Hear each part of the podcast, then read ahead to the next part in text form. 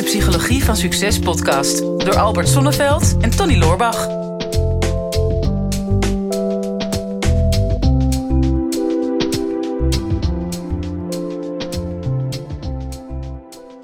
Nou, over het onderwerp eh, burn-out hebben we al eh, best wel veel podcasts gemaakt. Ook en een hele Mhm. miniserie over hoe je omgaat met stress.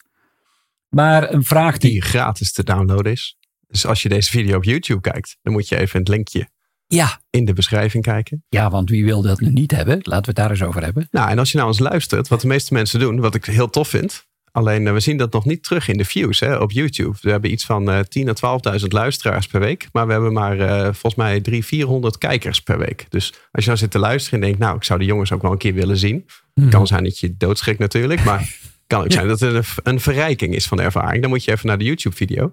Ja. En dan kan je de gratis mini-cursus Leven zonder stress downloaden. Begin in ieder geval te kijken op je telefoon, dan schrik je niet zo. En pas langzaam maar zeker uitzoomen naar groot beeld. Precies. En later pas HD aanklikken. Maar ehm, ja, burn-out. Maar wat doe je als, als partner eh, met iemand die burn-out heeft? Hè? Want dat is een vraag die echt wel veel voorkomt. We hebben daar, ik heb het daar in het verleden, een aantal jaren geleden, een blog over geschreven. Ooit ook wel eens een artikel in een landelijk dagblad mee gehad. En daar heb ik echt heel veel reacties op gekregen. Want ja, die partner die, die hangt er altijd maar een beetje bij. Eh, vaak gaat alle aandacht naar eh, de, de persoon in kwestie die burn-out is geraakt. Maar Mhm. wat moet die partner nu? Ja, daar hebben we inderdaad een vraag over van Peter. Die zegt dat. Eh, we hebben trouwens heel veel van deze vragen, dus hebben ze me even gebundeld. Beste Albert en Tony, mijn vriendin kampt al dik een jaar met een burn-out. Eh, ze huilt meerdere keren per week. Ze heeft hele grote emotieschommelingen. Alles is uit te veel. Bij het minst of geringste kan ze in tranen uitbarsten. Ik loop continu op mijn tenen omdat ik bang ben dat ik iets verkeerd doe of zeg, waardoor ze weer geïrriteerd raakt of verdrietig wordt. Ik probeer haar te helpen, maar ik weet niet goed hoe ik dit kan doen. Alles wat ik voorstel pakt ze niet op. Wat kan ik als partner doen om haar te helpen? Nou, Ja. volgens mij is het ook zo'n beetje de perfecte samenvatting van wat, wat mensen voelen in zo'n situatie. Ja.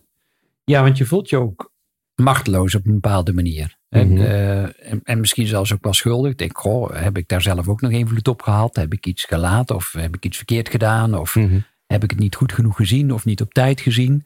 Eh, dus er zijn natuurlijk allerlei vragen die ook bij jezelf eh, op gaan komen. Maar tegelijkertijd wil je wel de, de liefdevolle, nabije partner zijn. Ja. Ehm, en dat wordt wel op de proef gesteld op deze manier. Mhm.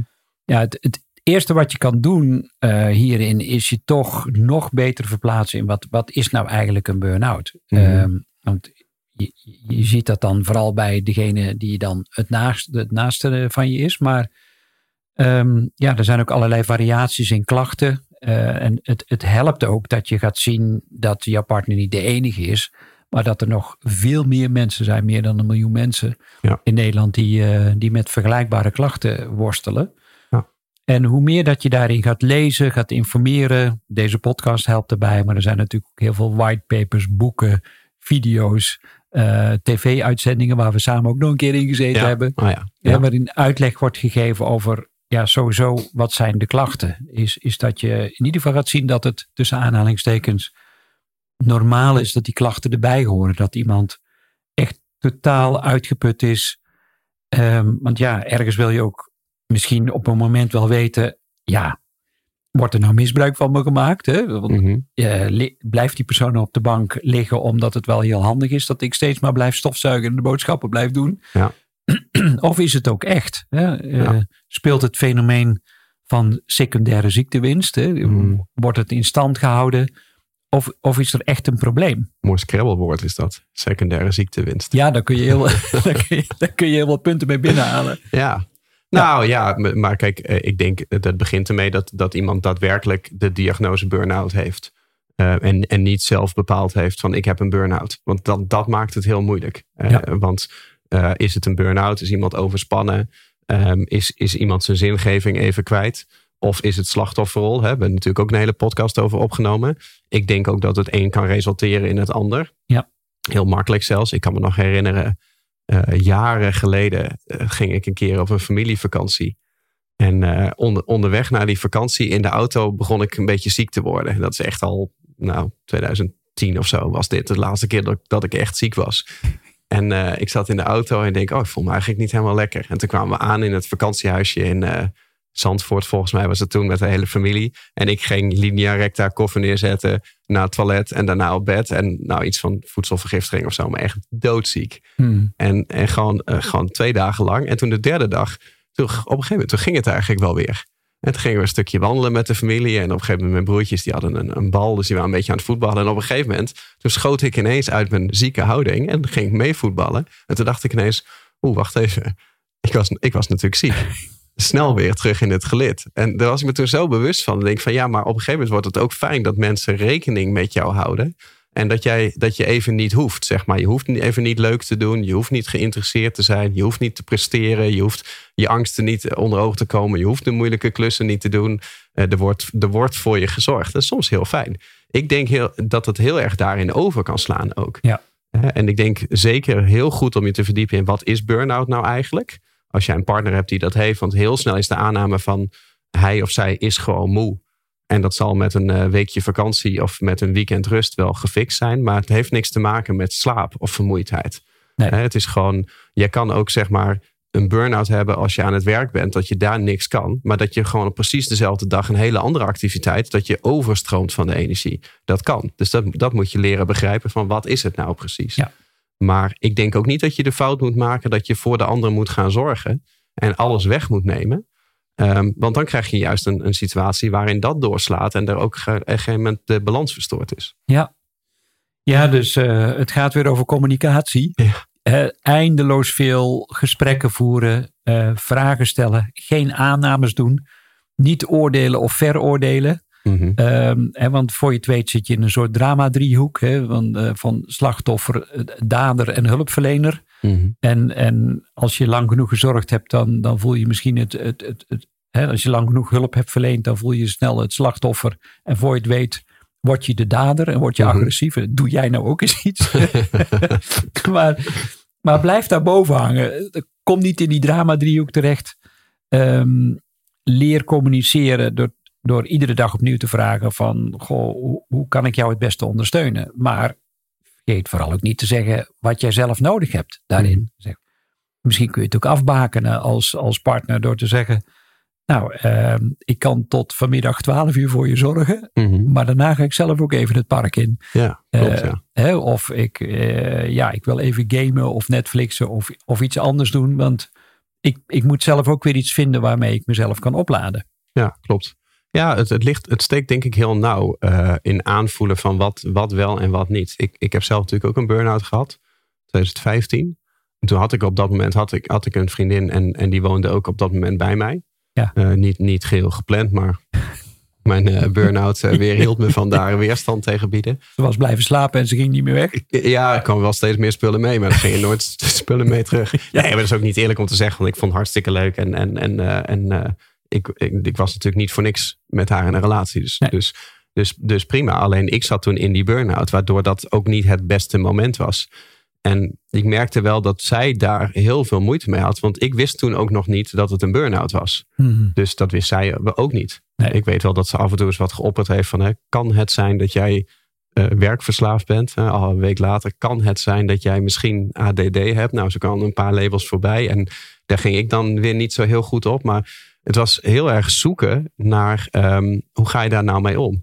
En ik had dan echt nachten dat ik lag te piekeren. En dan ging ik midden in de nacht ging ik weer uit bed. Want dan zat ik mezelf failliet te fantaseren in mijn hoofd. En dan ging ik midden in de nacht achter mijn laptop achter een Excel-sheet zitten. En dan ging ik met fictieve cijfers net zo lang schuiven. Totdat, totdat ik weer niet failliet was. En dan, en dan ging ik weer op bed. En dan dacht ik ineens, oeh, maar dat zou ook wel een tegenvaller kunnen zijn. Nou, dan ging ik er weer uit. En dan bedacht ik er weer een inkomstenbron bij. En dan klopt het weer, zeg maar, met elkaar. En daar werd zij natuurlijk helemaal gek van. Ja. Maar, maar ik denk waar zij moeite mee had, was gewoon inschatten dat... Um, dat niet gefixt is met van oké, okay, maar als de business dan weer draait of je hebt een succesje, dan is het opgelost. Of als je dan een weekend goed hebt geslapen of even niks hebt gedaan, dan is het opgelost. Dat, dat was dan te veel druk. En ja. ze heeft een heleboel goede dingen gedaan hoor. Maar ik merkte op een gegeven moment kwam bijvoorbeeld mijn broer een keer langs. Was wel al na die uh, relatie. En toen, toen zat ik er echt kniediep in. En die, die voelde gewoon aan alles van ja, je hebt gewoon even zicht nodig op iets, iets, iets fris. En je moet even in beweging komen. En ik, mijn huis was echt hartstikke ranzig geworden. Zegt hij, ja, zullen we, zullen we het huis even gaan schoonmaken? Hmm. En het was natuurlijk super logisch geweest dat hij had gezegd van ik ga voor jou je huis schoonmaken. Maar, dat- maar dat, dat had niet geholpen. Nee. Maar nu gingen we dat samen doen. En dan waren we even weer met iets opbouwends bezig of zo. En, en weer de frisheid erin, een frisse start. Het, eigenlijk is het helemaal niks. Nee. Maar, maar dat maakte een enorme impact, zo'n zo'n middagje. Hmm. En ik denk dat je dat als partner een beetje moet gaan aanvoelen. Het kan zijn dat je een paar keer moet testen. Maar er zijn bepaalde activiteiten die je samen kan gaan doen. Hè, lekker een dagje naar de wellness samen. Of even samen het huis schoonmaken of iets anders. Dat er weer iets opbouwends in komt. En Ja. dus wel die positiviteit, die progressie die je nodig hebt. Om uit die negatieve spiraal te komen. Ja, wat ik altijd zeg, je hebt eh, succesjes nodig, kleine succesjes. Het gevoel Mhm. dat je aan het groeien bent weer. Dan wordt er weer dopamine aangemaakt, onder andere in je brein. En dat geeft weer een goed gevoel. Mhm. En ja, het, we hebben het al vaker gezegd, maar ook nu is het weer heel belangrijk in deze podcast om te zeggen van het, het gaat helemaal niet om die burn-out. Want die burn-out is niet het probleem. Die Mm. burn-out is het gevolg van iets wat eronder zit. En, en wat eronder zit is altijd een, in mijn optiek een, een keuzeprobleem. Iets wat je te lang eh, hebt uitgesteld voor jezelf. Ehm, dat je al heel lang niet meer je passie en je bezieling hebt kunnen leven. Dat je de zingeving mist in je leven op bepaalde gebieden. Misschien binnen je werk, maar misschien ook binnen je relatie. Eh, of misschien loop je al te lang in, in, in een traject van mantelzorg hè, voor je ouders of voor mensen uit de buurt of wat dan ook. Maar en je durft daar geen nee tegen te zeggen of je durft dat niet te begrenzen. En daar zitten de echte problemen. En daarom zei ik ook, als partner zul je gewoon ook heel veel moeten praten. Hmm. En ik weet wel, soms kun je beter partner zijn dan dat je therapeut of coach bent. Dat moet je ook niet altijd door elkaar heen halen. Mhm. Maar blijf vooral weg bij goed bedoelde tips en adviezen van, weet je wat jij eens zou moeten doen? Want mensen haten dat. ja, ja, je zou moeten gaan sporten. Daar krijg ik altijd een lekker gevoel van. Dus doe dat niet. Eh, ehm, nee, want- en, en dat, dat is ook wel de ultieme relatietest. En, en soms is de relatie ook uitgeblust en is dat een van de oorzaken van die burn-out. Dat je misschien te lang geprobeerd hebt om daar steeds maar nieuw leven in te blazen. Misschien ben jij, eh, is, is degene die de burn-out heeft, wel ehm, de persoon die daar het hardst aan getrokken heeft om, om nog iets van die relatie te maken. En dat is ook heel spannend om het daar dan over te hebben. Van, goh, ja, de passie is uitgedoofd of ik voel me gewoon niet meer gelukkig in de relatie. Ja. Nou ja, dat zijn heftige dingen om het daarover te hebben. Maar je, je kunt dat niet blijven labelen als, als alleen maar burn-out. Burn-out, nogmaals, is het gevolg daarvan. Nou, ik denk dat het misschien dat wel de fijne conclusie is. Ik weet niet of je het ermee eens bent, maar als partner kan jij de burn-out van jouw partner niet oplossen. Nee. En moet je ook niet willen proberen. Nee. Hè, dus dus eh, je kan de ander misschien nog inspireren met een goed voorbeeld. Maar je, je- maar je moet niet gaan adviseren en je moet niet, je moet niet gaan oplossen. Want een burn-out kan je alleen maar zelf oplossen. Ja. En ehm, je, kan, eh, je kan er wel zijn voor de ander. Hè, dus het een luisterend oor. Eh, en, eh, en er veel over praten en, en, en begrip tonen. En dan, dan, dan zit je hem als het ware uit en dan ben je aan boord geweest. Zo- Zolang je jezelf maar niet vergeet. Hmm. Want, want, want jij hebt ook een leven. En het gaat niet alleen over degene met een, met een burn-out. Dus dat moet met elkaar kloppen. Ehm, dus, dus niet oplossen. Maar wat je wel kan doen is ehm, gewoon als je snapt van hoe kom je uit een burn-out. Dat is door natuurlijk door, eh, dat heeft tijd nodig. Maar dat zit hem ook gewoon in het terugvinden van datgene wat jou passioneert. Dus, dus de terugvinden van de energie.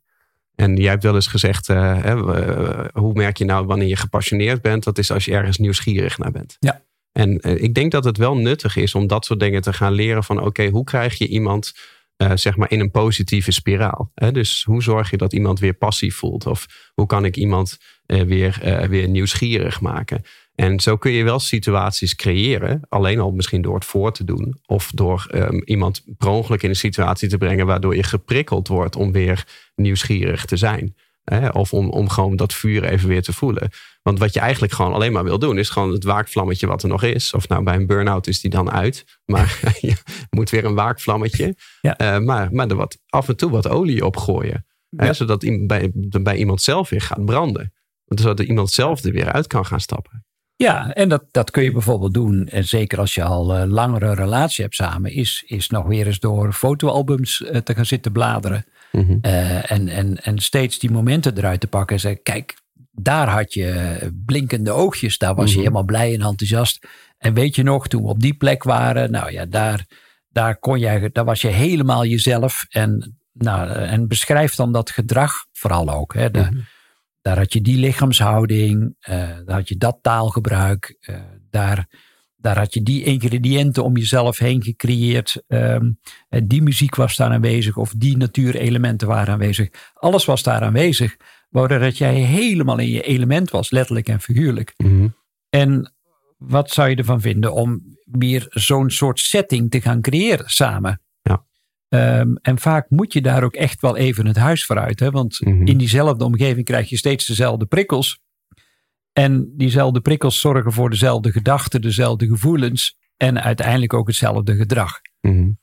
um, en, en dan is het heel moeilijk. Uh, ik moet uh, morgen nog iemand terugbellen. Um, ja, die zit al drie maanden thuis. Die had ik ja, door, oh, door, heb je wel je tijd genomen om terug te bellen? Zit hij al die tijd bij de telefoon? Ja, ja. En ik, ja maar je had gezegd telefoon. ik bel, ik bel je één deze dagen. deze je zit al drie maanden thuis. Ja, nou ja, dat is een mooie tijd voor contemplatie, zullen we maar zeggen.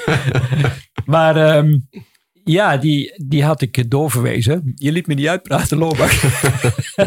die had ik doorverwezen, maar ja, dat traject is uh, blijkbaar toch niet zo goed aangeslagen. En uh, ja, de partner uh, in kwestie, die stuurde mij een appje vandaag en die zei van ja, er is in die drie maanden niet zoveel veranderd.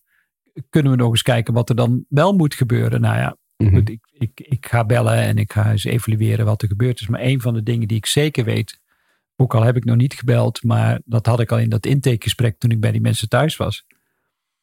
Ja, die man die zat op de bank en die kwam echt niet in beweging. Ja, dus, en zeker ook in coronatijd is het heel lastig om dan ook nog te bewegen, letterlijk ja. en figuurlijk buiten je grenzen te gaan.